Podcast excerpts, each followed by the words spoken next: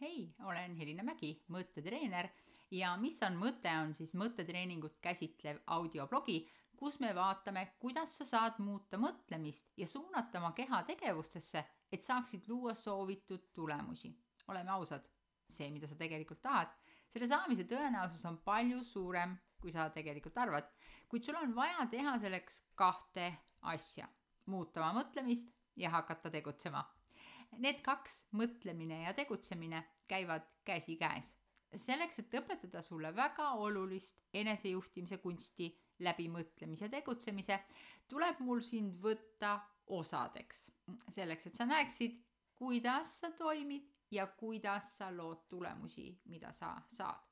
osad, mida me vaatame, on siis mõtted, tunded, tegevused, tulemused ja asjaolud sinu ümber kõik, millele me keskendume, on ainult need viis asja ja sa avastad, et need ongi kõik, millest sinu ja minu maailm koosneb.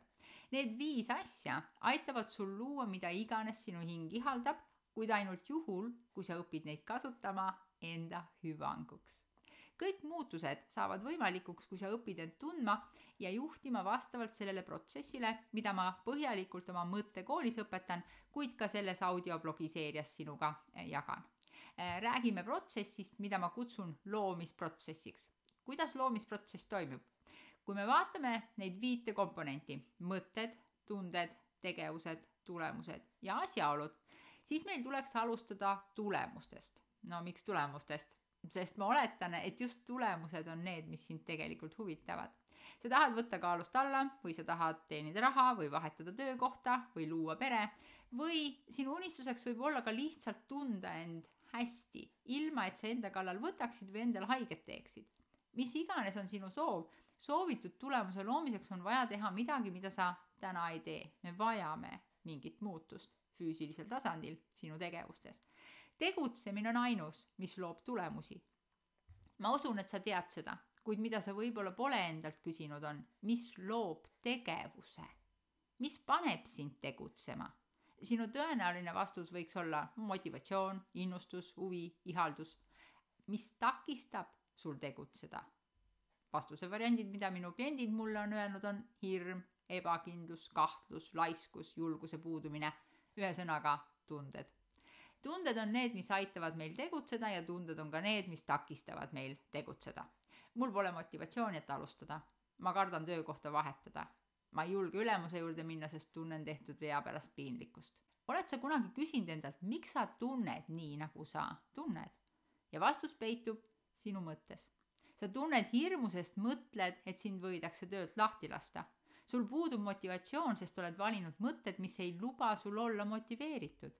aga kust tulevad mõtted? paljud arvavad, et olukorrad ongi mõtted.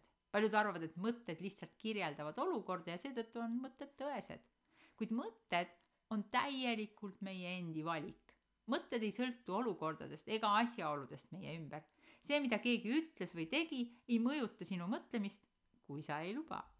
sõltumata sellest, mis juhtus, saame me vabalt valida, mida mõelda.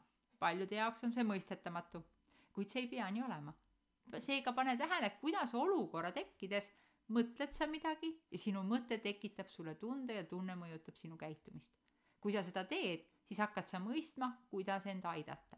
sa hakkad mõistma, kuidas loomisprotsess tegelikult toimib ja sa õpid seda kasutama oma igapäevaelus. mida paremini sa sellest protsessist aru saad, seda rohkem vabadust sa tunned. see protsess on mõttetreeningu üks põhilisi arusaamu, mis aitab sul selgitada enamik asju sinu elus. ja sellest protsessist tuleb meil edaspidigi juttu. aitäh, et kuulasid esimest audioblogi teemal, mis on mõte Kuulmiseni